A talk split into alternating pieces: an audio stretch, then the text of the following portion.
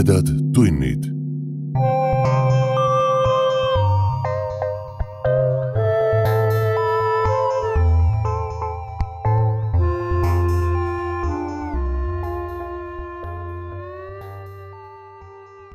tere, hea ulmesõber.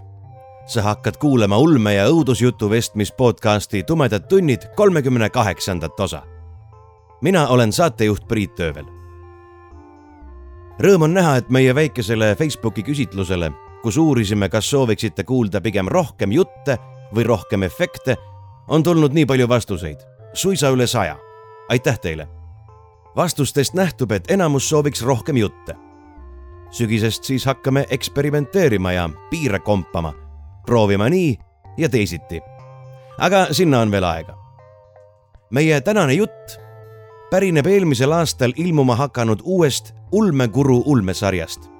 täpsemalt öeldes selle sarja esimesest kogumikust, milleks on antoloogia Läbi valu ja vaeva. koostanud Joel Jans ja Jüri Kallas, välja andnud kirjastus Kuru raamat aastal kaks tuhat kakskümmend. tagakaanel on kirjas neliteist ulmejuttu Eestist ja laiast maailmast.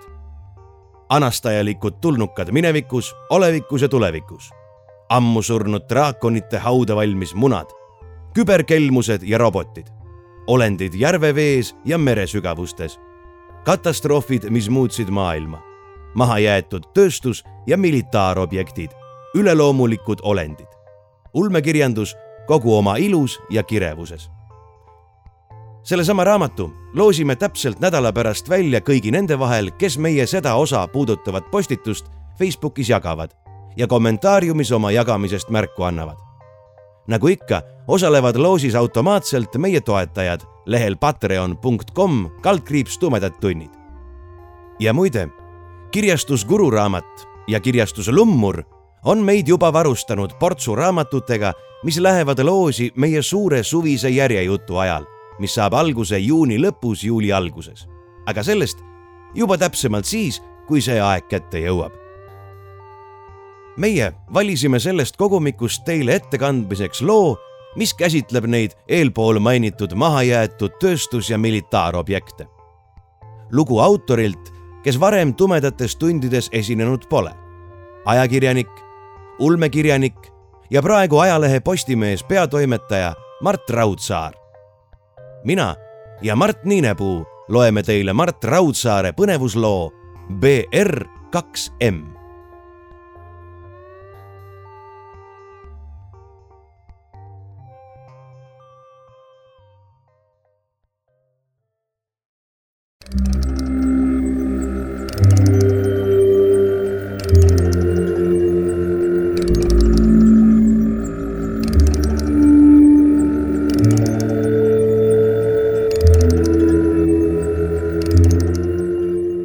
esimene kontakt. seltskonna ajakirja Kroonika deviis ütleb uudishimu pole patt. võib-olla on neil oma vaatevinklist õigus. Seevastu minu meelest on uudishimu suisa surmapahe, sest surma me oleksime peaaegu saanud, kui kergitasime mõtlemata ja piisava ettevalmistuseta salalaeka kaant. taskulampe, villast pesu, sõrgkangi ronimisvarustust ja veel mõningaste nipet-näpet ei saa ju pidada piisavaks ettevalmistuseks nendeks õudusteks, mille küüsi me langesime ning millega esmase kohtumise olemuslik ebardlikkus saadab meid sügavamal teadvuses oppides veel siiamaani. ehkki oleme astunud tõhusaid samme luupainajaga võitlemiseks. algus oli muidugi päikseline, nagu sageli. istusime Haraldiga ühel Tartu vanakraamilaadal kus müüdi samuti mitmesugust militaarkola. Valga militaarfestival polnud veel päevavalgust näinud ja seetõttu võis roostes artefaktide ümber luusimas näha siin nii kirglikke kollektsionääre kui ka pühapäevahuvilisi. meie Haraldiga ei kaubelnud ühegi keelatud esemega, kuigi teadsime, kes ja kus pakub relvi. ühel mehel oli autokastis presendi all miinipilduja toru, mida ta väitis pärinevat Sinimägedelt ei, kui meil oleks olnud selline muinsus, oleks me seda müünud mingi hinna eest. Aga võib-olla oli sellel mehel neid kümneid, sest kümneid neid sinimägedel vedeles ning küllap leidub neid Kriivasoo põhjatutes laugastes veelgi. meie valik oli igati seaduslik. valiku põhiosa moodustasid erinevad tsiviilkaitsealased stendid, endised sõjaväeosade plekksildid, gaasimaskid ja meil oli ka üks kipsist Lenini püst, millest soovisime vabaneda, sest see oli masstoodang ja lisaks väga diletantlik masstoodang. mis siin salata peale Nõukogude armee väljaminekut olime külastanud erinevaid mahajäetud sõjaväebaase üle Eesti ning kogunud kõike, millest jõud üle käis. töövahendeiks vaid taskulamp ja juba nimetatud sõrgkang. me olime leidnud ka teistsuguseid esemeid, kui võis seostada otseselt militaarvaldkonnaga. Üks sellistest esemetest oli Merlin Gerini katkematu vooluallikas ehk siis aku, mis annab voolu juhul, kui elekter ära läheb. see oli suhteliselt väikene hõbedane kast, isegi pisem lauaarvuti korpusest, ent selle maast tõstmiseks läks vaja kahe mehe rammu. vaatamata salalaekas peituvale raskele metallile, ei olnud me teda Emexisse viinud, lootes turult saada paremat hinda. Olime seadme vooluvõrku ühendanud ning olime veendunud, et seade põhimõtteliselt veel töötas ehkki ei suutnud arvutile voolu anda kauemaks kui mõneks minutiks. ja nüüd, see seade pälvis habemes vanapaganat meenutava mehe tähelepanu. me ei olnud teda varem vanakraami turul kohanud, ent ehk oli tema väljanägemine olnud minevikus pisut viisakam. Tal oli seljas määrdunud sinelilaadne rõivas. määrdunud olid ka ta käed, kui ta meie asjades sobras aga mitte seepärast ei jäänud me teda pikemalt silmitsema. niisuguseid tegelasi päevas paar-kolm ikka turule sattus ja sageli pakkusid nad soodsalt osta mõnda tähelepanuväärset eset, mis kummalisel kombel oli just nende kätte pidama jäänud. ei, me jäime teda pikemalt silmitsema veidra muutuse tõttu, mis juhtus vanamehega kohe, kui ta oli silmanud Merlin Gerini aku. vanamees tõmbus sirgu tema käed ei värisenud enam ja ta pomises midagi habemesse. Harald ütles mulle hiljem, et ta kuulis selgelt vanameest ütlemas, seda lehka ei unusta ma kunagi. võib-olla. ja tõenäoliselt järgnenud sündmuseid arvestades oli Haraldil õigus. kuid minu käest küsis vanamees. noormees, kuskohast te selle masina saite? kuna mäletasin selgelt kasti tassimisest peopessa jäänud verevaid sooni, teadsin talle mainida endise Raadi sõjaväe lennuvälja territooriumi. ta vaatas mulle otsa ning mulle näis, et tema silmad kumavad punakalt. kas te tunnelis käisite? küsis vanamees. mis tunnelis?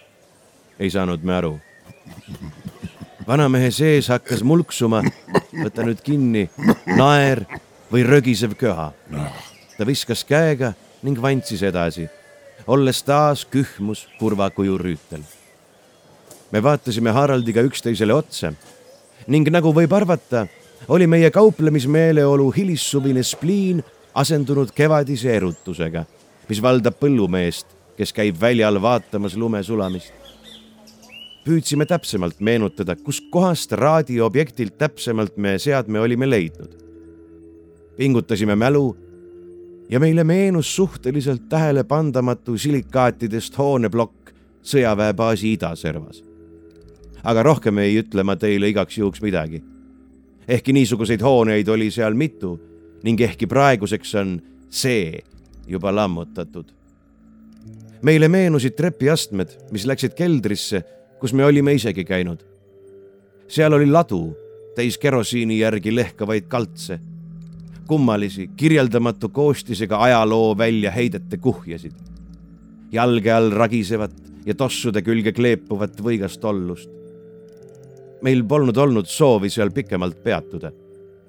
kuid nüüd meile meenus üha selgemalt tumeroheline, pisut roostes uks millele me ei olnud suuremat tähelepanu pööranud, kuna arvasime selle taga olevat kilbiruumi, milliseid olime erinevates kohtades lahti kiskunud kümneid. see uks ei andnud meile enam rahu. see uks kiusas meid. võite arvata, miks. võite arvata, mis juhtus edasi. juba järgmisel ööl leidis Augusti täiskuu meid raadil.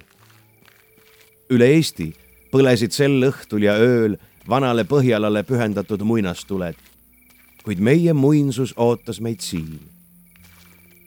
paraku oli igal aastal endisel sõjaväe lennuväljal kolamine muutunud raskemaks, kuna kunagistest kasutajatest hüljatud alale ilmus üha rohkem tegevusi ja seeläbi omanikke, kes omandatud vara mingil moel valvata üritasid, kas patrullides või soetades koeri.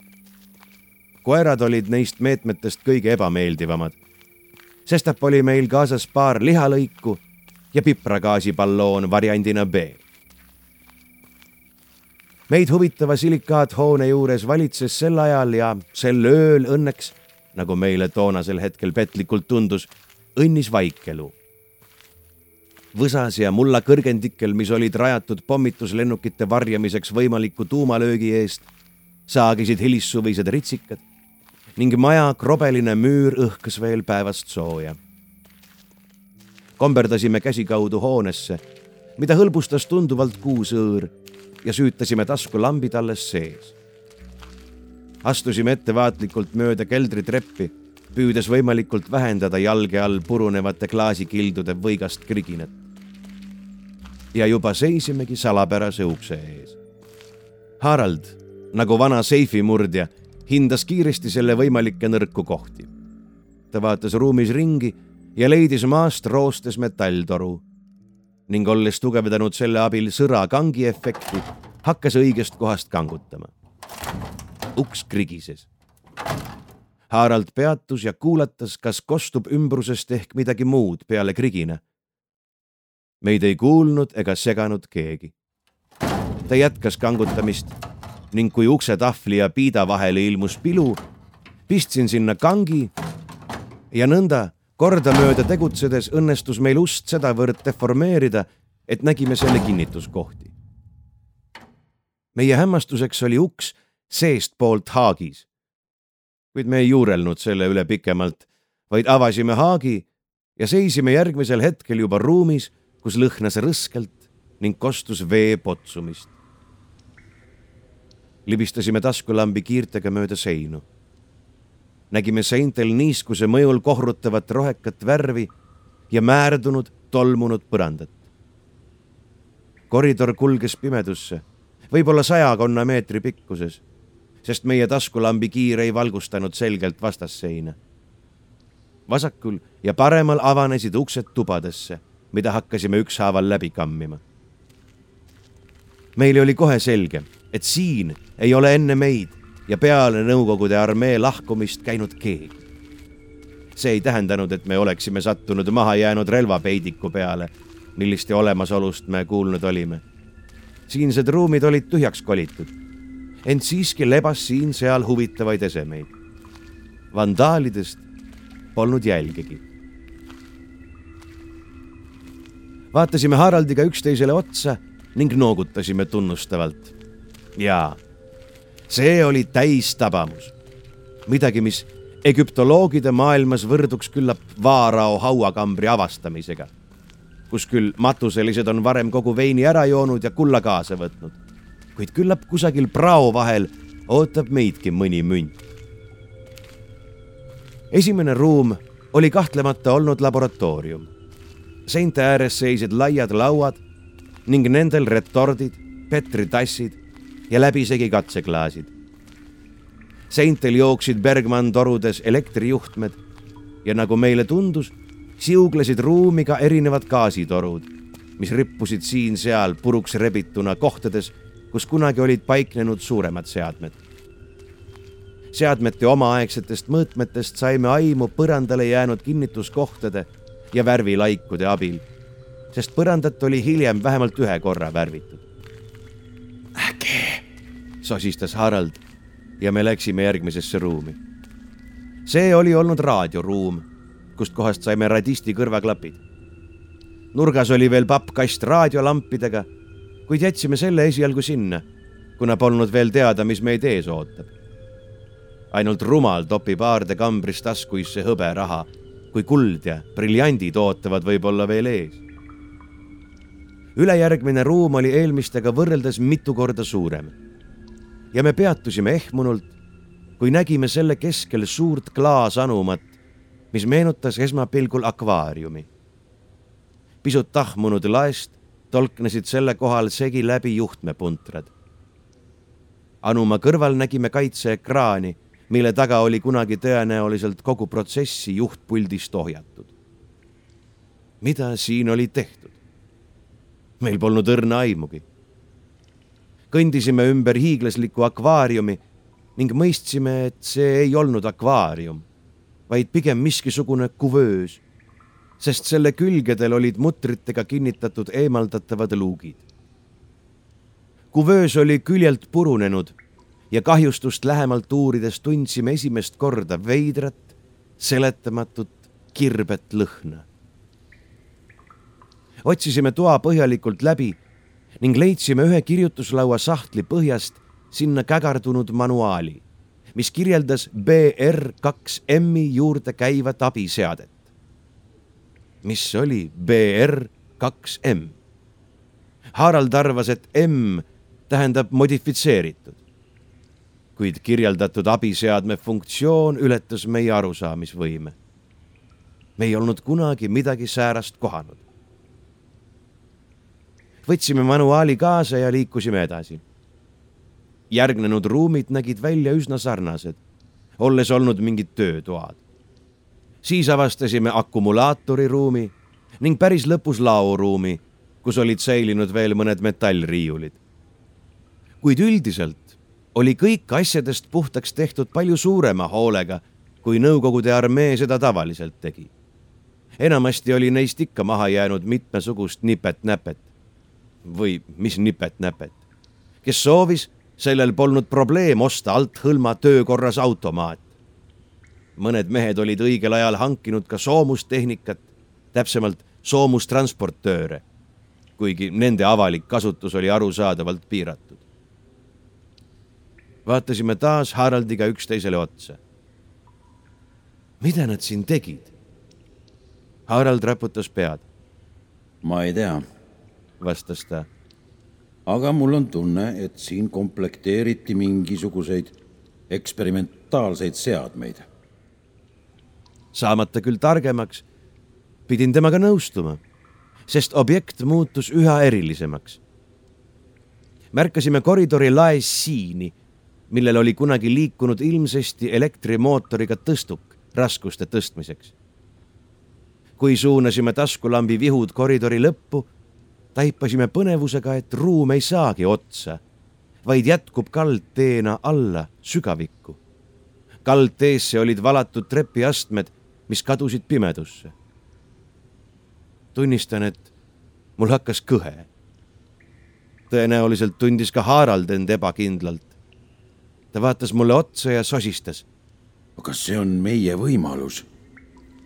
laskusime veidi aegamööda betoonist astmeid, mis kulgesid kaunis laugjal moel, ent jätkuvalt ja üsna sügavale. mitte küll nõnda sügavale, kui olid olnud Leningradi metroojaamad, kus olime käinud kooliekskursiooniga.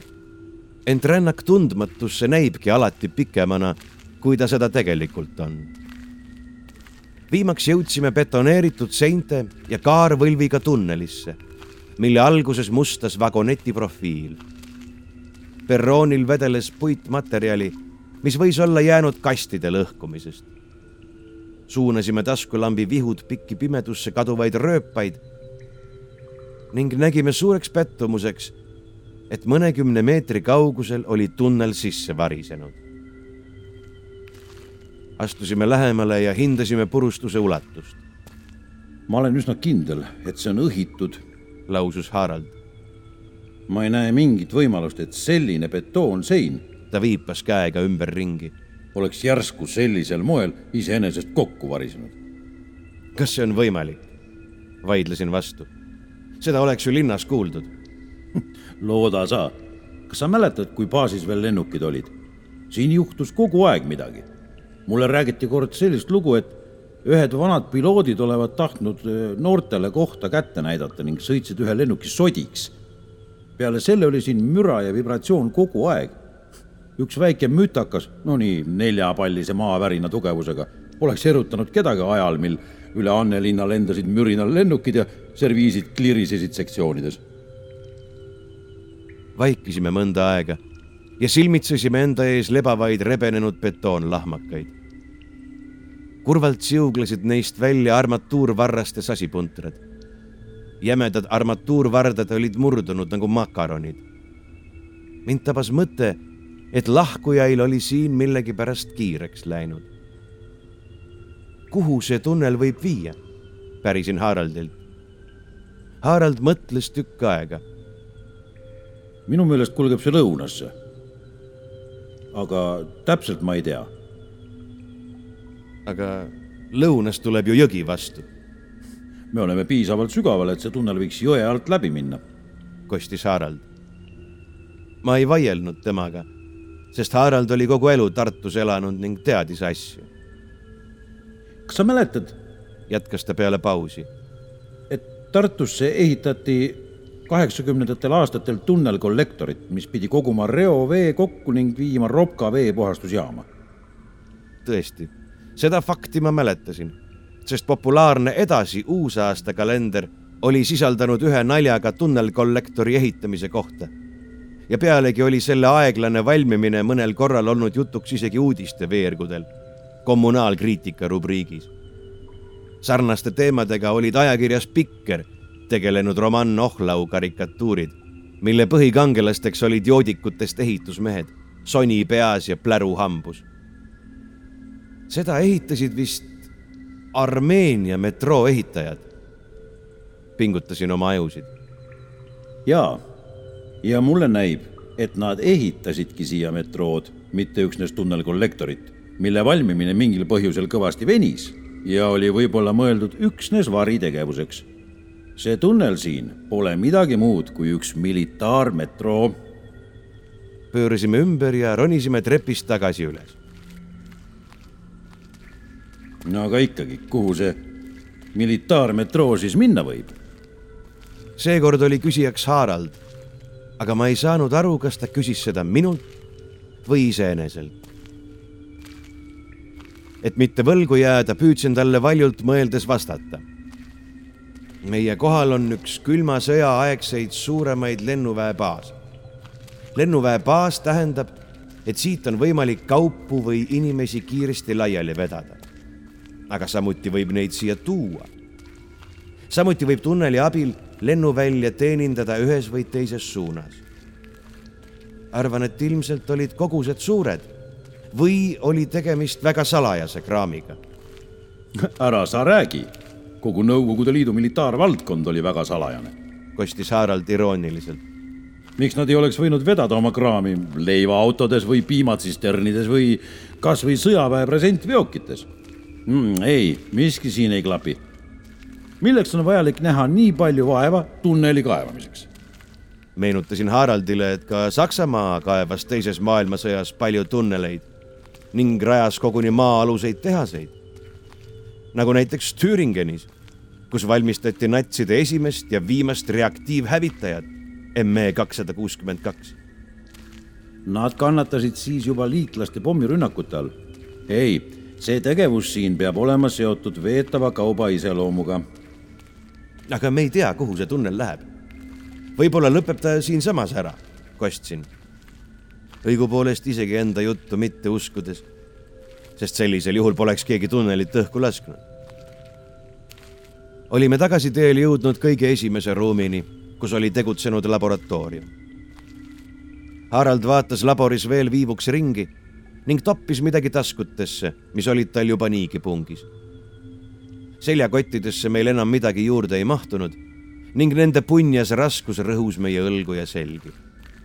ei, see tunnel ei lõppe ära, lausus Harald kindlalt ja ma räägin sulle kohe, miks ma nii usun. see on natuke pikem jutt. tulime silikaathoonest maa peale, olles ukse maskeerinud kaltsude ja muu sodiga. Harald tasandas häält. Kas sa mäletad, kui Lennart Meri sõitis ootamatult tuhande üheksasaja üheksakümne neljanda aasta juulis Jeltsiniga kohtuma, millest tuli suur pahandus, sest tal ei olnud sõjaväepensionäride leppe osas parlamendi mandaati. ma mäletan sellest teleuudist, kus mõlemad olid kõva auru all. Jeltsin kõikusega hoidis käes pokaali ja rääkis uhkel, kuidas kaks tarka presidenti sõjaväe väljaviimises kokku leppisid. seda teemat ma isegi teadsin. no vot nii, üks mu ajaloolasest sõber töötas toona välisministeeriumis ja oli meie delegatsiooniga Moskvas kaasas. no Meri oli vana rebane ja küllap ta teadis, mille järele läks. ent delegatsioonis ei olnud keegi osanud oodata sellist läbimurret. see oli täiesti ootamatu kui presidendid eraldusid ning seal olevat alanud kauplemine nagu Puhara turul. saad aru? nii, ja kui ootamatult lepeteni jõuti, siis tekkis küsimus Eestisse jäävate sõjaväepensionäride täpse arvu üle. meie poolel neid numbreid ju ei olnud, oli üksnes ebamäärane kõhutunne. nii, ühel hetkel paluti mu sõbral minna venelastega kaasa arhiivi, kustkohast ta pidi saama toimiku pensionäride täpse arvuga Nad sõitsid arhiivi, millest ma võiksin omakorda kunagi pikemalt kõnelda, kuidas see kõik oli ning mida ta nägi, ent viimaks paluti tal oodata ühes valvuritoas, kus eh, sarvraamides prillidega onkel istus mõlkis kupliga laualambi taga ja lahendas selle valgusvihus ristsõnu. ümberringi laius tolmunud vaikuses tohutu hoidla, kus jooksis kümneid, sadu kilomeetreid riiuleid, millest keegi ei tea, mis seal peituda võib. mõistad? aasta hiljem leidis Tõnu Tannenberg Peterburist Venemaa riiklikust ajalooarhiivist juhuslikult esimese eestikeelse nädalalehe, Tartu Maarahva nädali lehe numbreid, mida kõik arvati kadunud ja hävinenud olevat. ta leidis need muude materjalide vahelt ühest kaustast, millele keegi polnud aastakümneid tähelepanu pööranud.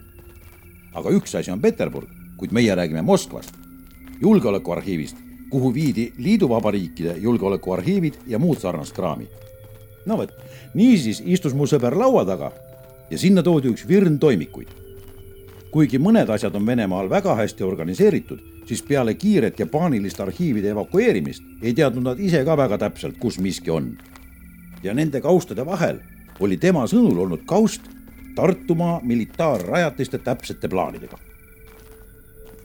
Harald vaikis hetkeks, et anda oma sõnadele suuremat kaalu küllap läksid mu silmad pungi ning särasid kuu valguses kirkalt, sest me olime jõudnud juba okastraattaia juurde, mille vahelt pugesime läbi ning kus teisel pool teed ninapidi võsas ootas meid meie auto. Harald vandus, sest ta rebestas okastraadiga oma seljakotti. mis edasi sai? küsisin kui olime jõudnud turvaliselt autosse ja uksed tasakesi kinni tõmmanud. see kaust oli maha kukkunud ning selle vahelt oli välja pudenenud Tartu kaart. mu sõber oli silmanud seda vaid mõne sekundi jooksul hämaras ja seetõttu polnud ta eneses väga kindel, kas ta ikka oli näinud seda, mida enda arvates näinud oli. nimelt maa-alust tunnelite võrgustikku, millest peamine tunnel ühendas Raadi lennuvälja Robka tööstusrajooniga saatjad või arhivaarid olid võtnud selle kaardi lipsti ära, nõnda et ta detaile mõistagi ei näinud, kuid oma eriala professionaalina, kartograafina ja vanade plaanide huvilisena oli ta suutnud asja olemust haarata ja tal oli meelde sööbinud üks number, viis tuhat kakssada meetrit. Harald käivitas mootori ning me sõitsime esialgu pooltuledega Võsa vahelt Roosi tänavale ja sedamööda Puiestee tänava suunas puiestee tänav oli inimtühi. ei tüdrukuid, ei korravalvureid. Ma olin selle jutu täiesti unustanud. no nagu sa ikka unustad huvitavaid, kuid pigem müüdiväärtuslikke jutte, nagu näiteks jutt maa-alusest linnast Nursipalu raketodroomis. huvitav, põnev, aga sinnapaika see jääbki. aga nüüd me teame, et see tunnel on tõepoolest olemas. hüüdsin erutunult. Harald noogutas. me sõitsime tema maamajja mis ei asunud Tartu piirist väga kaugel ning kuhu kinnisvaraarenduse jõudmiseni oli jäänud veel mõni aasta. toona ei olnud selle maja ümber muud kui põlispuud ja põllud, mille taga kumas luun ja kasvuhoonete valgus ning mille suunas binokliga vaadates võis hea tahtmise korral näha Annelinna kümnekorruseliste majade tulesid. aga mitte praegu, sest kõik majad magasid. Läksime garaaži kus seisis pukkidel Moskvitš nelisada. Mille osas Harald ei suutnud kuidagi otsustada, kas taastada auto täiesti autentsena või ehitada selle baasil lahe hot rod või koguni rat rod. ja viimast terminit me siis muidugi veel ei tundnud, vaid tegutsesime parema äratundmise järgi üksnes asja olemusest lähtudes. seina ääres oli pukkidel töölaud ning riiul ja kastid huvitavate esemete ja mõnede raamatutega. Harald lükkas töölaua puhtaks ja laotas sellele Tartu EO Map kaardi, mis oli esimene normaalne linnakaart peale okupatsiooni lõppu. mul oli kohe selge, mida ta kavatseb. Harald otsis sõjaväe lennuvälja kohalt umbkaudu üles silikaathoone, mille keldrist olime pääsenud maa alla. ta võttis tööriistakastist nurgiku, mille ühel harul läikisid sentimeetrid. keele ots hammaste vahel asetas ta joonlaua osa ühe otsa sõjaväe lennuväljale ning liigutas teist osa sirklina poolkaares kaardil edasi-tagasi. mida sa arvad? vaatas Harald mulle ärevil näoga otsa. poolkaare alla oli jäänud üks suur rajatis. tõenäoliselt Ropka tööstusrajooni kõige suurem rajatis. Tartu lihakombinaat. Tartu lihakombinaadist, mis lammutati kahe tuhande kaheksandal aastal, kuid oli sellel hetkel täiesti olemas, kuigi juba pankrotistunud ja kasutult seismas, võib rääkida pikki legende. Neist mõnda olime me tollal ka kuulnud. Need legendid ulatuvad tagasi vorstivabriku juttudesse, mis levisid peale teist maailmasõda, kui süüa oli vähe ja raudteel rändasid ringi kodutud kotipoisid. inimesed kõnelesid siis, et mööda linna sõidavad ringi mustad autod, mis röövivad kodanikke, kes viiakse tehasesse ja tehakse vorstiks. tõepoolest, mustad autod ringi sõitsid ning tõepoolest inimesi ka kadus, kuid polnud siiski väga usutav, et nad oleks vorstiks tehtud. kuigi, mine tea. lihakombinaat oli kotipoiste ajal juba olemas, kuigi väiksem ja teistsugune lihakombinaadi juurde tuli eraldi raudteeharu ja see oli vaat et poolsõjaväeline asutus. kompleksi ümbritses müür ja traataed. väljuvaid autosid otsiti läbi. põhjuseks olid muidugi lihavargused. mäletan, kuidas mu onu rääkis mulle põneva loo, kuidas nad andsid altkäemaksu ühele lihakombinaadi mehele, kes viskas üle aia paberkoti seafileega. kott läks lõhki ning filee kukkus pimedas laiali mida tuli poris ja lehesodis käsikaudu otsida. osa sellest jäigi kadunuks. sünnipäevalised jäid siiski rahule, sest perenaine oli suutnud liha pesupalis kenasti puhtaks nühkida. muide, inimese ja sea lihalõike võib olla üsna raske eristada. aga see selleks. kas sa tõesti arvad, et tunnel tuleb lihakombinaati välja? pärisin Haraldilt. see on täiesti usutav mulle näib, et pilt hakkab selginema. tegelikult Harald muidugi eksis. juhuslikult olime sattunud Tartu ühe suurima saladuse otsa. kuid tõest olime siiski veel väga kaugel. ning ma olen üsna veendunud, et täit tõde, kui üht olulist osagi sellest, ei tea me veel tänapäevalgi. Pole mõtet salata, et sellest hetkest hakkasime planeerima lihakombinaati tungimist. lihakombinaat oli oma tegevuse juba lõpetanud, enamik masinaid demonteeritud ja muudki väärtuslikku minema viidud, kuid kompleks oli jätkuvalt ümbritsetud aiaga ning seda valvas turvafirma valvur. me ei vaielnud suurt selles osas, millisest suunast territooriumile tungida. kõige õigem suund või võiks öelda isegi, et ainuõige suund kulges vana raudteeharu poolt, sest seal ei olnud ümbruskonnas elumaju, nagu polnud ka autoteid, kus mõni hiline liikleja oleks võinud kahtlast tegevust märgata ja sellest politseile teada anda. küll aga vaidlesime, millisest osast peaksime tunneli teist poolt otsima. ja kas see on üleüldse tehase hoone all või avaneb kusagil mujal tehase territooriumil ka arutasime, milline peaks olema meile vajalik varustus sellel missioonil. kui tavaliselt läksime retkedele tühjade seljakottidega, siis nüüd läksime poolenisti täis seljakottidega, nagu oleksime siirdunud mõnepäevasele matkale. võtsime kaasa kompassi, hulgaliselt varupatareisid, rauasae, erinevaid sõrgu ja joonestusvahendid, samuti natukene toidumoona ja termosega sooja teed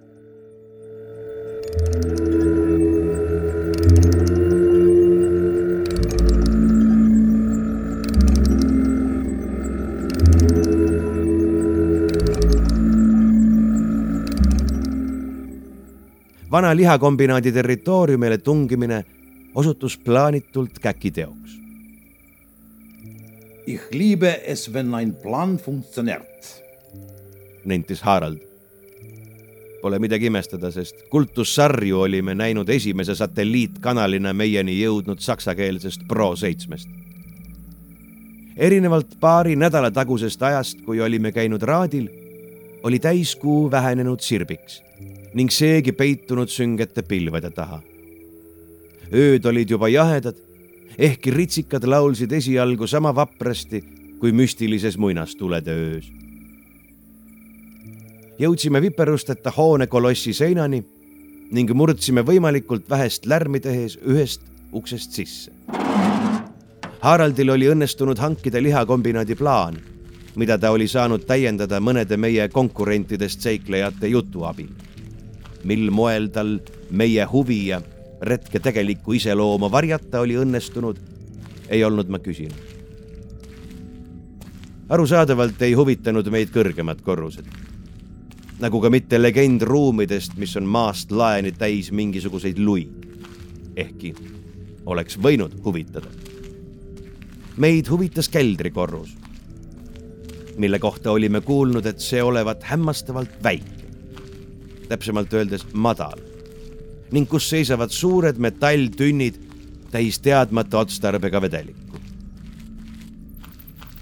ehkki pimedas tööstushoones liikumine oli mõneti ohtlik, jõudsime suuremate viperusteta keldrikorrusele, kus seisidki prisked roostekarvetünnid.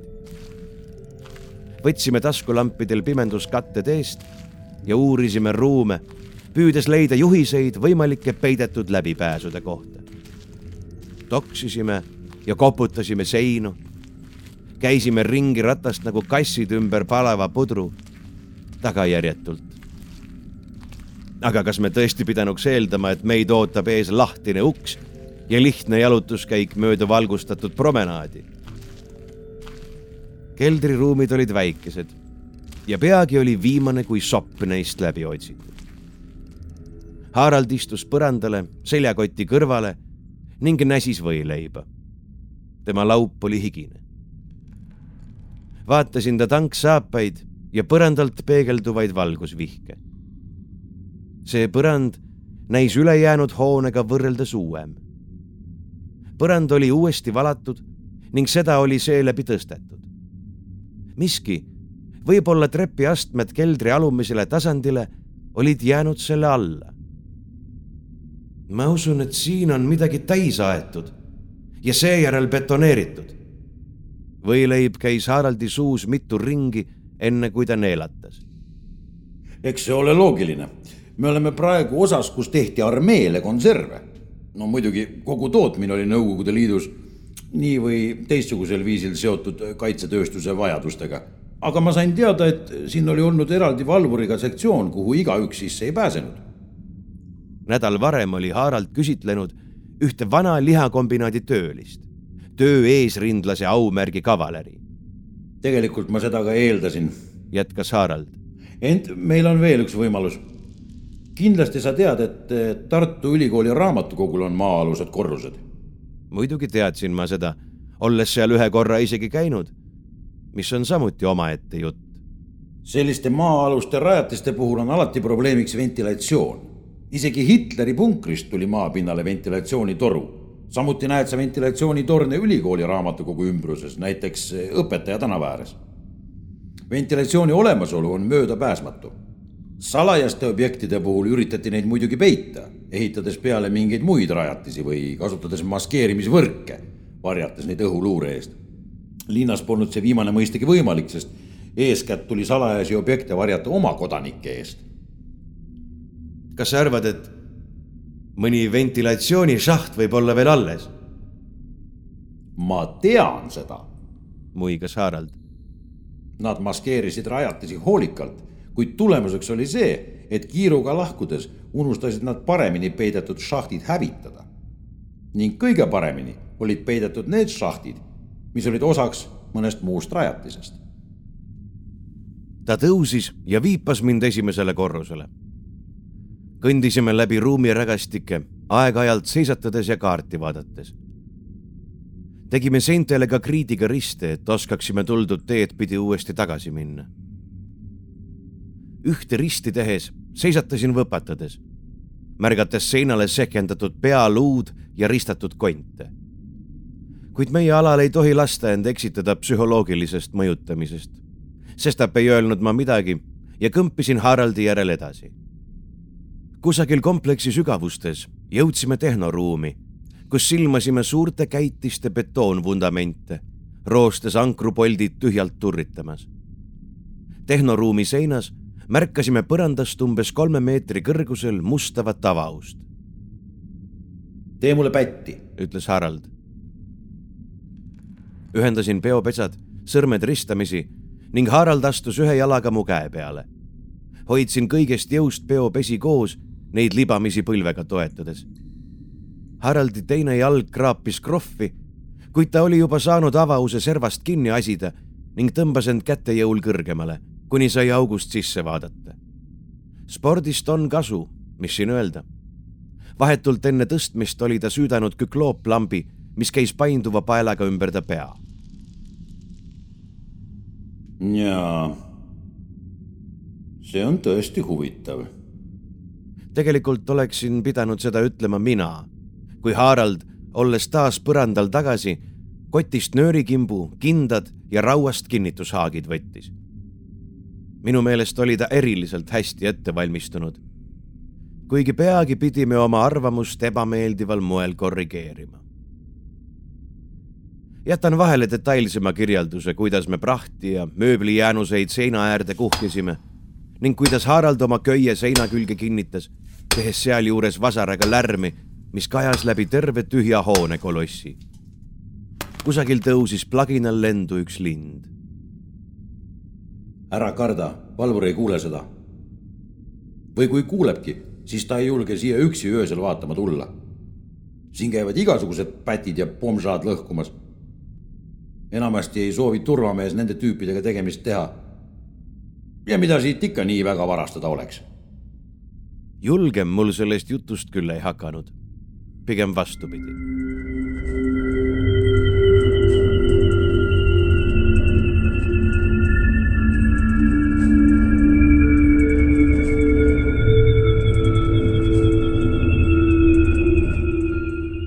Harald õpetas, kuidas nööri ümber keha siduda ja ennast rullikute abil allapoole libistada.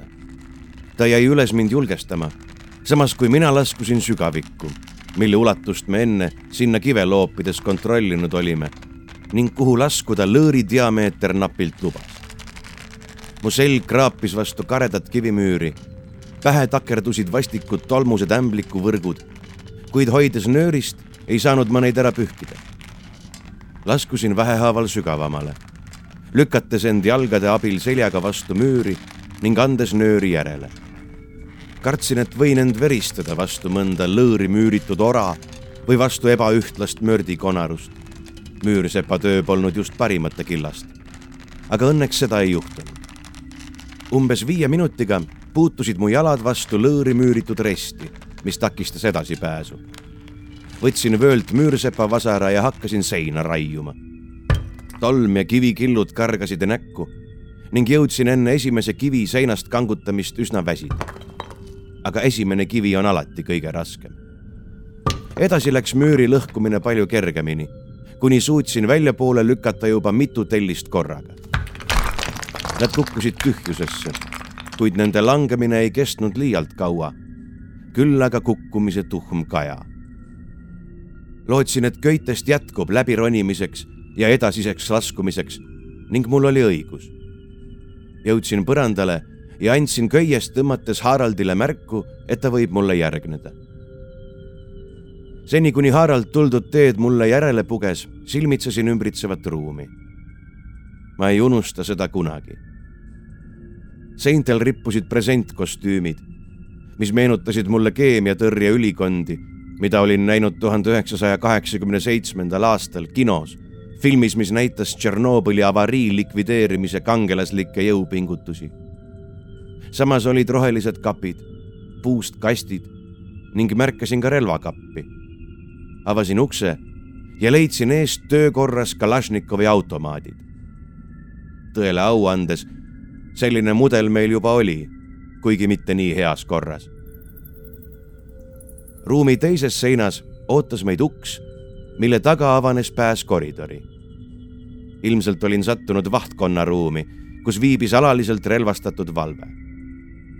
Märkasin kohe, et kui Raadil oli olnud piisavalt aega kõige väärtusliku ja vähem väärtusliku äraviimiseks, siis siit olid inimesed lahkunud suure kiirusega. laual lebas ajakirja Turist, kaheksakümne kaheksanda aasta maikuu number ja samas nägin konisid täis tuhadoosi. vahepeal oli kohale jõudnud ähkiv ja üleni tolmune Harald. vaat siis, ütles ta üksnes, vabastades end köitest küklooplamp tema peas põles endiselt, ehkki oli vajunud viltu, jättes Haraldist igatpidi vapra kaevuri või entusiastliku mutionu mulje. viimast muljet süvendasid tema sinised traksidega püksid. muigasin ja näitasin talle automaate. kostis Harald. ta ei puutunud automaate ja ma ka ei küsinud, miks vaid ta astus koridori ukse juurde ja lükkas selle nimetissõrmega ettevaatlikult lahti. järgnesin talle vahekäiku, mille õhk tundus isegi liikuvat, kuigi oli pisut läppunud ja justkui kirbe järelmaitsega. uks, kuskohast sisenesime, oli üsna koridori alguses. võisime aimata, kuhu poole oli jäänud maa-aluse kompleksi sissekäik ning liikusime vastupidises suunas avamata ühtegi ust meie mõlemal küljel. tegutsesime nagu aardekütid, kes ei peatu üksikute dubloonide lugemiseks, vaid kühveldavad erutunult aaret, püüdes kohe kirstu põhjani välja jõuda.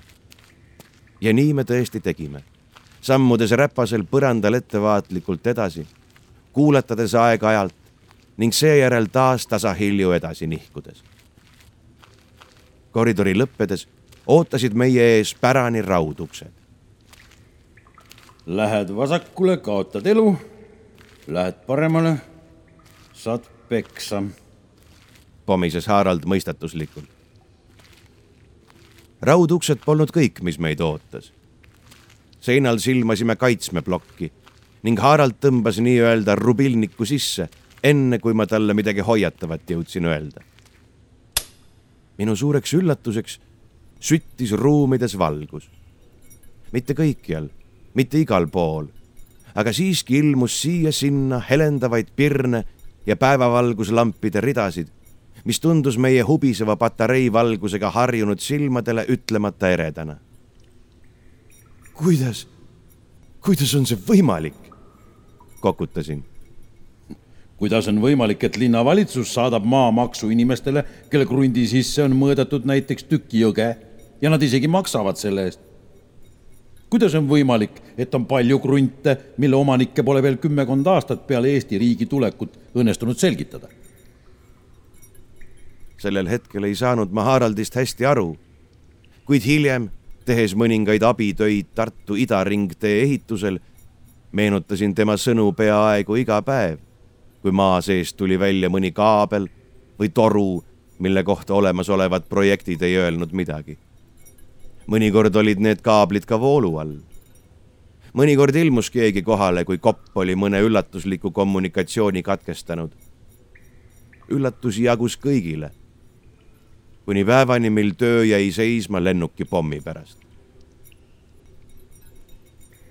ma ei juurelnud pikemalt, miks pole Eesti Energia jõudnud siia kaableid läbi lõikama, sest meie silme ees avanes peaaegu et saali mõõtmetes ruum siin seisis rööbastel väike elektrirong.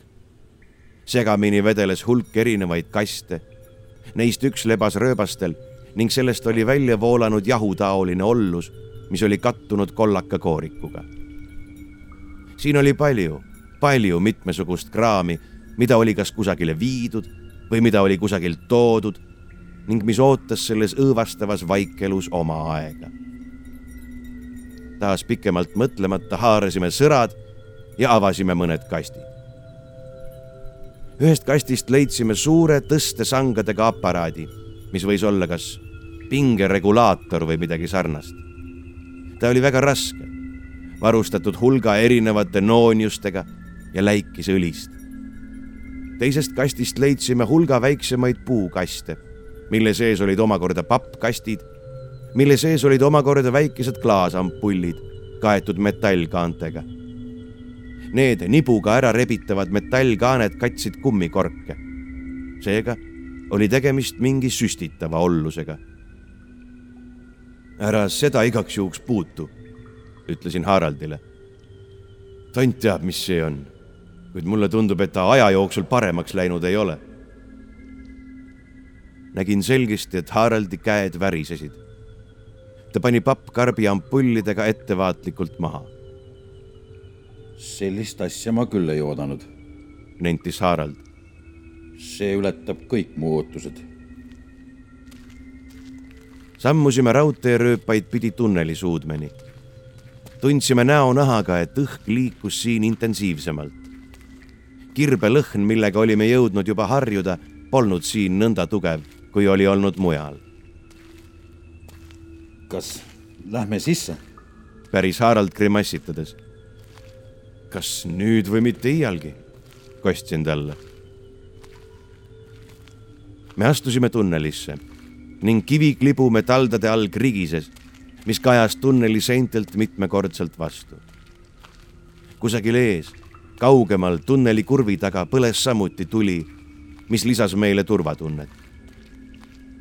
asjatult. kõndisime edasi, püüdes astuda liiprilt liiprile kuid see ei õnnestunud alati. ning välja tuli samasugune loll jala hüplemine nagu mööda vana Tartu Kitsa tänava treppi, mis tõi ülikooli raamatukogu juurest ülikooli tänavale ja mis on õnneks praeguseks lammutatud ja asendatud normaalsema lahendusega. siin tunnelis oli kõik normaalsusest väga kaugel. aga tõele poleks me saanud iialgi olla lähemal. seisatasime parajasti ühe orva juures kus nägime seinal klassikalist tuletõrjekomplekti, terava otsaga ämbri, kirve ja labida näol, kõik kenasti punaseks värvitud. laadal võiks sellises säilivuses komplekti eest saada tänapäeval ehk kakskümmend viis eurotki. vaatasime neid instrumente, kui mulle tundus, nagu oleksin kuulnud krigisevat heli. vaatasin Haraldi poole ning nägin, et ka tema oli seda kuulnud tardusime ja püüdsime mitte hingata. kuulsime nüüd heli taas ja täiesti selgesti. see kostus tunneli teisest otsast, kurvi tagant. esmalt kuuldus kriipivat häält, seejärel kivikeste veeremist ja siis lohinataolist müra. kustutasime oma lambid Haraldiga peaaegu korraga ja nägime nüüd et valgus tunneli kurvi taga väreles. kurat, keegi tuleb, sosistas Harald ärevalt. kuidas see võimalik on? ma ei hakanud ta käest küsima, kas ta peab võimalikuks, et see on valvur või mõni teine aardekütt. rumalamat küsimust poleks olnud võimalik välja mõeldagi. ent teisalt ka olulisemat küsimust poleks olnud meie situatsioonis võimalik välja mõelda. siin me olime, võib-olla viiskümmend, võib-olla sadakond meetrit maa all, teadmata kohas tunnelis, mille üks ots oli kinni betoneeritud ning teine ots õhitud. olime siin esimesed hingelised võib-olla neljateistkümne, võib-olla viieteistkümne aasta jooksul ning nüüd, nüüd tuli meile keegi vastu ehk on see eksinud seeneline, kes küsib teed. igal aastal läheb ju keegi metsas, aga ka linnas kaduma. kuid nüüd ma ei imesta enam selle üle. siis aga mul polnud mingit soovi jääda ootama, et näha, kas see on seeneline või ehk mõni muu aardeotsija, kes on leidnud teise sissepääsu siia maa-alusesse tsitadelli, mis võis iseenesest olla võimalik. Kuid mu jalad olid korraga maa külge kasvanud. Nad ei kandnud mind enam. imelik, et mind ei vallanud paanikahoog, ehkki südant pitsitas meeletu hirm, mis näis olevat valgunud jalgadesse kärsatades läbi sealsed mikromootorid. siinsamas Orvas oli ka väike kirjutuslaud telefoniga ning tool. tuikusin tunnelist kõrvale ja veeresin laua alla ning pole vist vaja lisada, et Harald järgnes mulle viivu pärast. kökitasime seal nagu kaks väikest last ja kuulasime, kuidas lohisev, kriipiv heli järjest lähenes. Lähemale tuli ka valgus mis kumas tunneli seintel ja võlvlaes, joonistades juba esile saalungilaudade puidusüüd. kas mul oleks võimalik kirjeldada seda jubedust, mida me mõne minuti jooksul üle elasime? midagi niisugust võib ehk kogeda luupainajast vaevatud kuumal ööl, kui näete, et tagurdate parkimisplatsil autot, mille käigukang jääb teile pihku ja kiirus üha kasvab. või et olete lennukist välja hüpanud või kukkunud. või olete seletamatul kombel õhku tõusnud, seda märganud ning seejärel kivina puulatvade suunas kukkuma hakanud. kunagi varem olin kogenud midagi niisugust ühe tuttava pool korteris, ärgates kohutava surutise peale, suutmata aga liigutada kätt või jalga mu tuttav jooksis teisest toast kohale, kui olin ajanud põrandale laualambi ning õuduses äganud. siin aga, siin aga proovisime olla nii tasa kui vähegi võimalik, olenemata surutise õudraskest painest. ja siis ma nägin teda. õigemini mõningaid fragmente, mis oli vist aga hea sest vastasel korral oleksin kaotanud mõistuse või hakanud paaniliselt jooksma, kes teab kuhu. ja see oleks lõppenud tõenäoliselt kehvasti. Ma ei saanud kirjutuslaua plaadi ja külje vahelisest praost vaadates aru, kas see oli loom või inimene, mis jalgade plastilises vooglemises ma ei oska seda teisiti kirjeldada, meile pikirööpaid lähenes ta nägu oli neljakandiline, rohmakas ning kahtlemata ilma igasuguse iluta. ta nägu, aga võib-olla ka, et kogu nahk läikis õlist, higist, ei tea. aga ta ohkis ja puhkis nagu teeks rasket tööd. ainus, milles ma olen kindel, et tal oli pea, keha ja neli kulendit.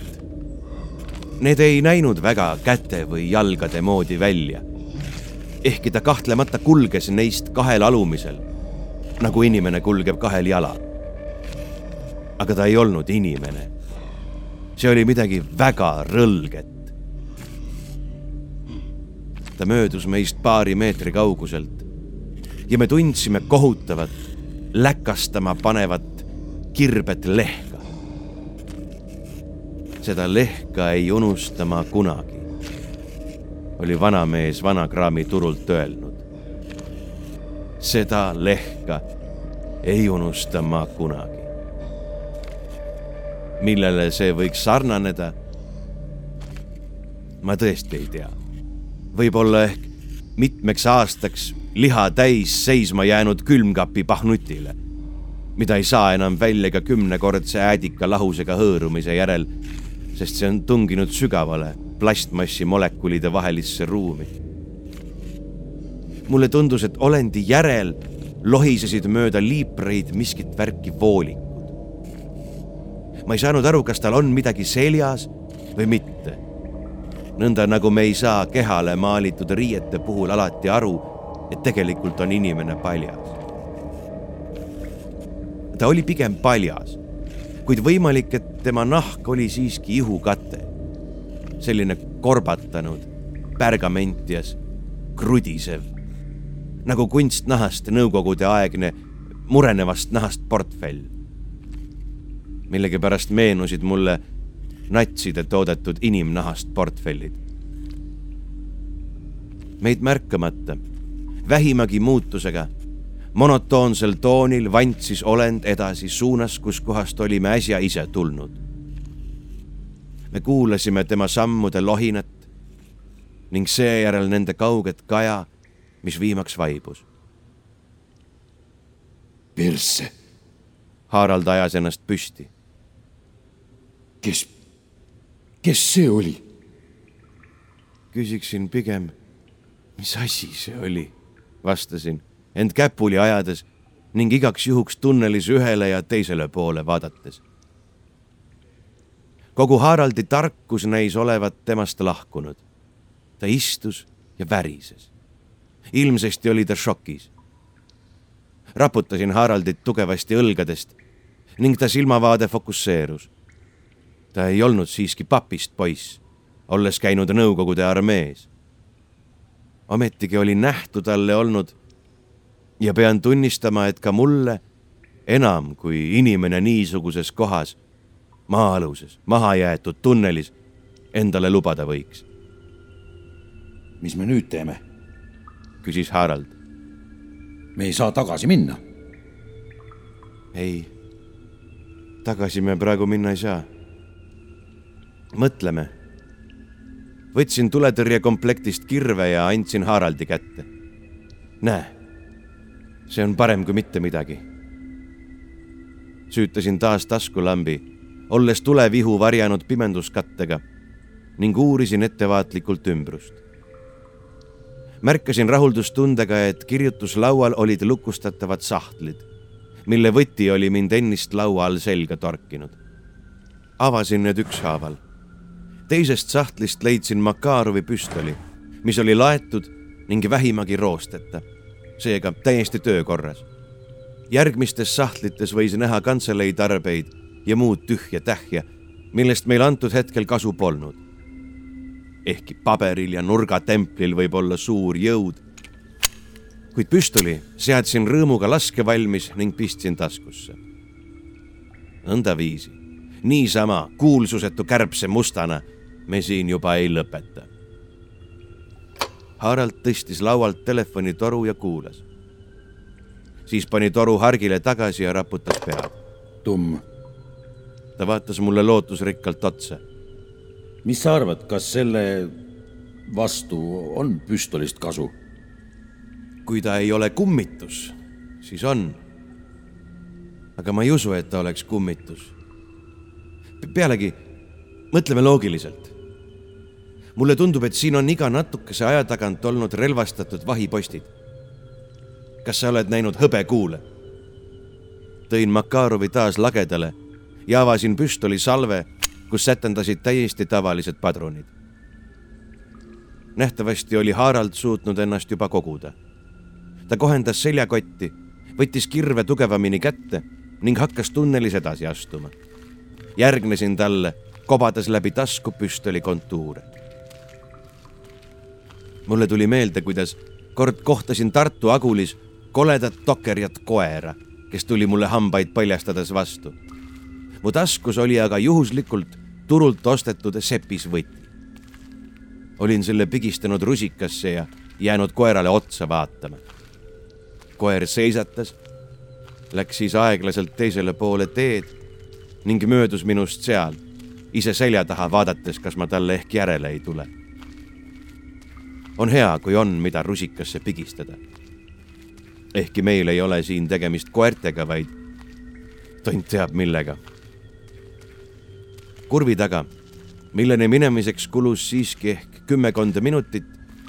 aga me püüdsime astuda ülimalt vaikselt. avanes meie silme ees järgmine valgustatud perroon. perroonilt viis maapinna sügavusse järgmine valik rohekaid rauduksi. kurat küll, see on nagu mingisugune tuum, ähkis Harald erinevalt kunagisest populaarsest arvutimängust, mille tegevus toimus maa-aluses punkris ning mille esimeses versioonis tuli nottida natsisõdureid, olime meie suurepärases versioonis kolm punkt null keset virtuaalreaalsust. ei mingeid kodukootud kolle. natside kohtamise üle oleksime praegu isegi rõõmustanud, sest ikkagi inimesed. see vend, keda me nägime, polnud aga mingi kodukootud koll. või äkki siiski? kuule haarasin äkilise inspiratsioonipuhangu ajal Haraldi hõlmast kinni. ma vist tean. me äkki äratasime ta üles. äratasime? kuidas? ma ei tea, ma üksnes arvan. Harald kehitas õlgu ning ronis perroonile. ta avas ühe ukse ja mõistagi ei saanud ma tal üksi minna lasta. taas tundsime seda vastikut kirbet haisu me olime jõudnud suurde ruumi, kus seina ääres urisesid suured külmikud. me kumbki ei soovinud ühtegi ust avada ja taganesime tagurpidi taas välja. Untersuchung, lausus Harald vaevu kuuldavalt. peale mitme toa läbiuurimist jõudsime taas ühte suuremasse tuppa, mis erinevalt teistest oli kraamist tühjaks tehtud.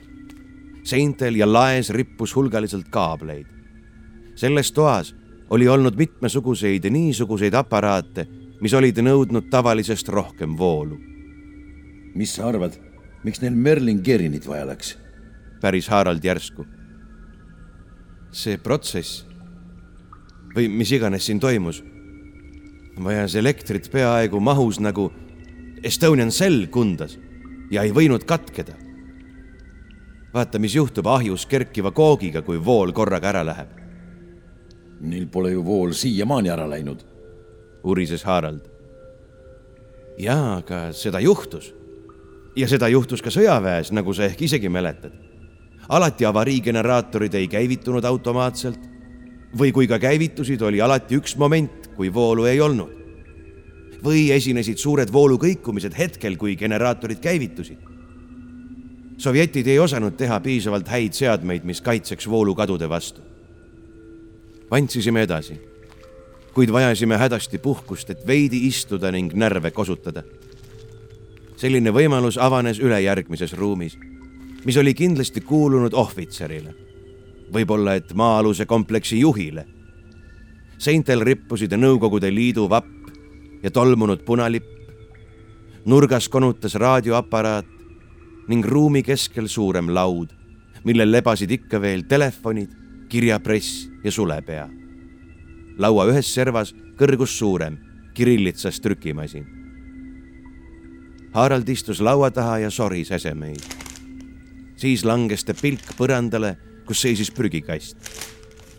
ta tõmbas prügikastist välja käkras kopeerpaberi ja valgustas seda taskulambiga. selgelt paistsid tähed, mis olid sellele trükkimisele jäänud. paberit oli kasutatud esimest korda kahekümnendal juunil. tõlkis Harald. nii, siit ma ei saa aru, aga tundub, et see kiri on adresseeritud seltsimees Viktor Tšebrikovile. selge see. Tšebrikov oli KGB üleliiduline ülem veel tuhande üheksasaja kaheksakümne kaheksandal aastal hmm.. evakuatsioon on toimunud plaanipäraselt BR tootmise sisseseade on toimetatud nelja lennuga Irkutskisse. kas lubate laojäägid elimineerida? tegutseda edasi plaani kakskümmend murd üksteist kohaselt. Harald sügas kukalt. huvitav, mis see BR on? käisin küll Kroonus, aga ei saa kõigist nendest akronüümidest aru.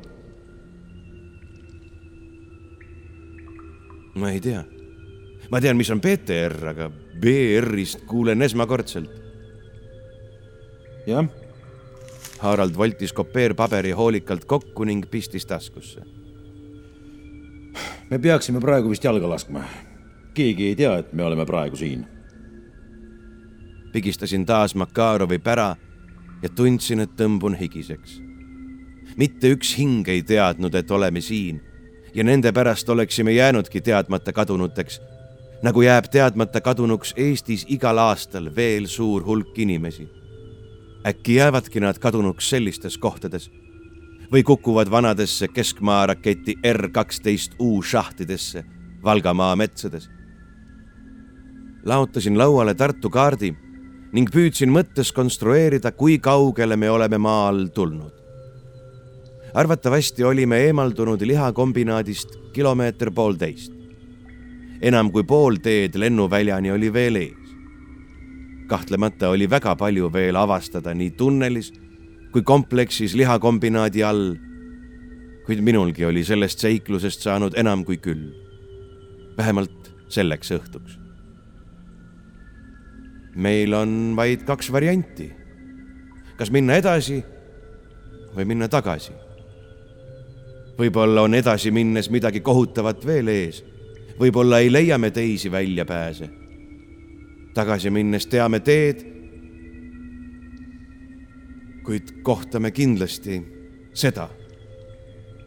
Harald noogutas. ma ei usu, et oleksime veel Emajõe alt läbi oleme heal juhul kusagil Kalevi ja Jõe tänava kandis. muide, ma usun, et hiiglasliku sõpruse silla ehitamine on kuidagi kogu selle kompleksiga seotud. Aga see on üksnes sisetunne. ja veel ütleb mu sisetunne, et meil ei ole mõtet minna edasi, vaid peame minema tagasi, ükskõik kuidas me seda ka ei tahaks ma ei tea, kas peaksin pikemalt kõnelema meie raskest tagasiteest raskeks ei teinud seda mitte maapinna reljeef. raskeks muutis naasmise meie endi värisev süda ning jubedad varjud, mis vehklesid me teel siin ja seal, kui pöörasime taskulambi kiiri nagu valgusmõõku tundmata vaenlase poole. kui jõudsime tagasi tunneli algusesse, siis peatusime. meil mõlemal oli tunne, et see on kusagil lähedal kus, ei tea. ent kusagil mitte väga kaugel liigutab ta oma jälki valkijaid koibi. Läksime tasahilju tagasi mööda tuldud koridori. leidsime üles vahtkonna ruumi ukse. Harald libistas taskulambi kiirega pikki koridori ning alles nüüd saime õieti aimu, kui mastaapne oli lihakombinaadi alune kompleks. kuhu nad kõik selle pinnase panid? ma arvan, et täitsid Ropka sood ning Jõesadamas müügil olnud liiva kohta ütlesid, et tõid praamiga Pihkvast. Aga võib-olla viidi see tunnelit pidi lennukitele, mis lendasid alalises tuumavalmiduses Läänemerel rahvusvahelise piirini, puistates oma lasti enne Bornholmi saart merre. mõnikord on kõige ebatõenäolisem variant just see õige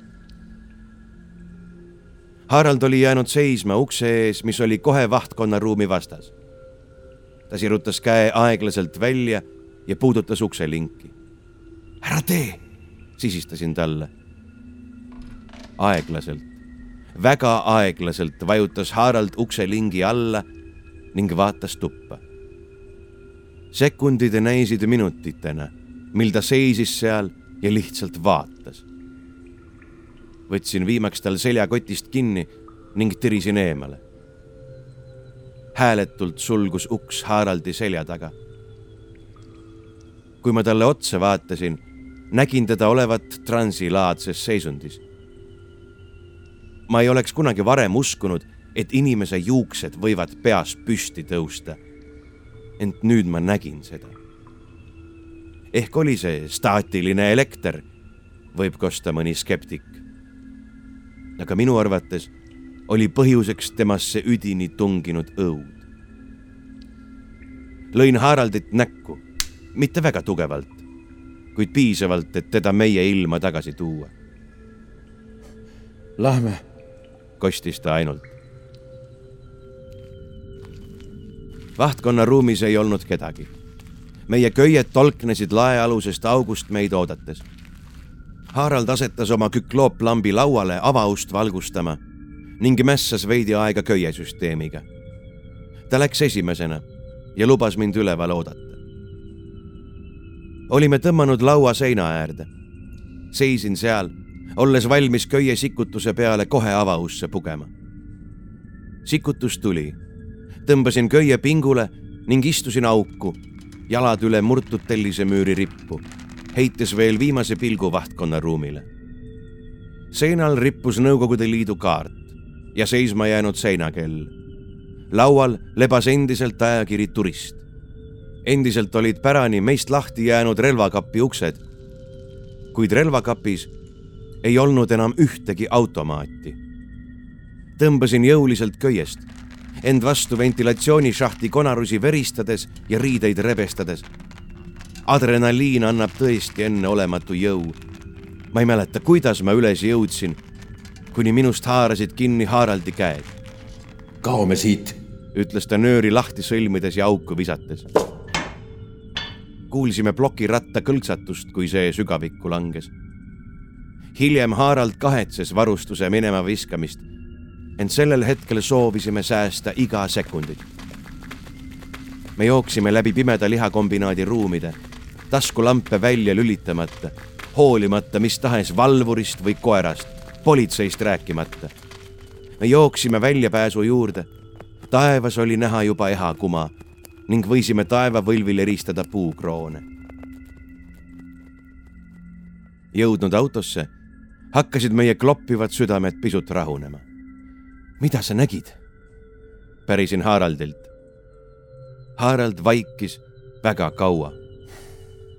ma ei ole selles kindel. ma pean selle üle mõtlema.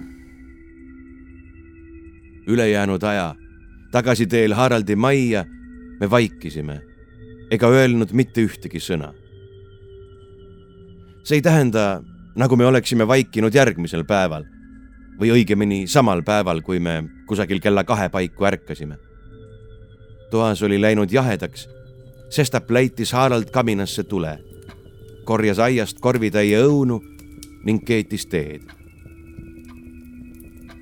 vaatasin talle pärastlõuna päikeses otsa ja mulle tundus, et miski temas on olulisel määral muutunud. me peame sinna tagasi minema, selles Pole mingit kahtlust, aga enne, enne me peame koguma informatsiooni.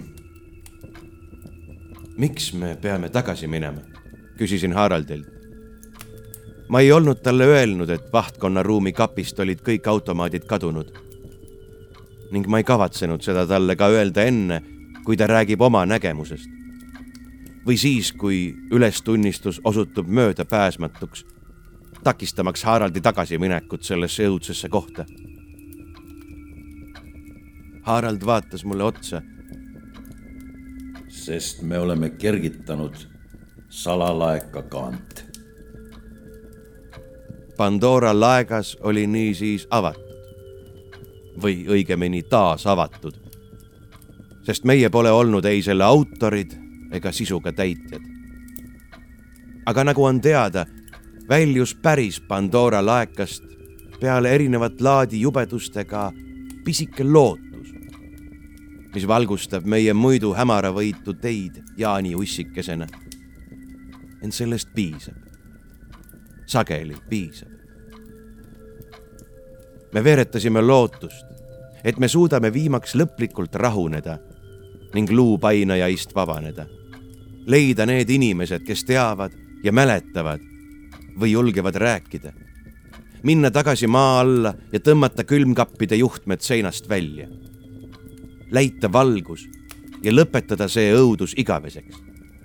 ja sellest rääkida ka avalikkusele. kui avalikkus on selleks valmis. ja me läksime tagasi. Seda nii enne lihakombinaadi lammutamist kui ka pärast vahepeal on maa peal muutunud palju. Eesti Rahva Muuseumi rajamine Raadile ja Raadi territooriumi korrastamine on olnud energeetiliselt hea. kuid maa all on kõik endiselt olemas. ning olles kergitanud salalaeka kaant, on üht-teist tulnud ka maapinnale. Taevas teab, et me oleme andnud oma vea parandamiseks endast parima. me oleme tõesti pingutanud ja muuseas oleme väga palju õppinud. nii avastatud saladuse, kummalise maailma kui ka iseenda kohta. ent müsteeriumit, müsteeriumit tervikuna pole me ikkagi lõplikult lahendanud. me läheme sinna veel. kuid tollel kenal septembrikuu päeval, tollel päeval oli meil vaid üks õlekõrs, millest kinni hoida. meis oli tärganud lootus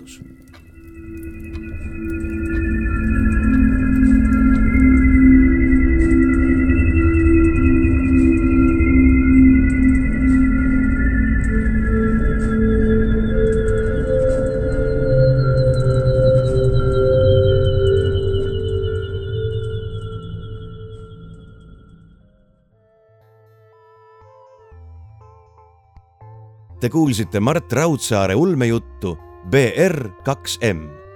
lugesid Priit Öövel ja Mart Niinepuu. jagage meie Facebooki postitust oma sõprade ja vaenlastega ning võitke endale ulmeantoloogia Läbi valu ja vaeva kirjastuselt Kuru raamat.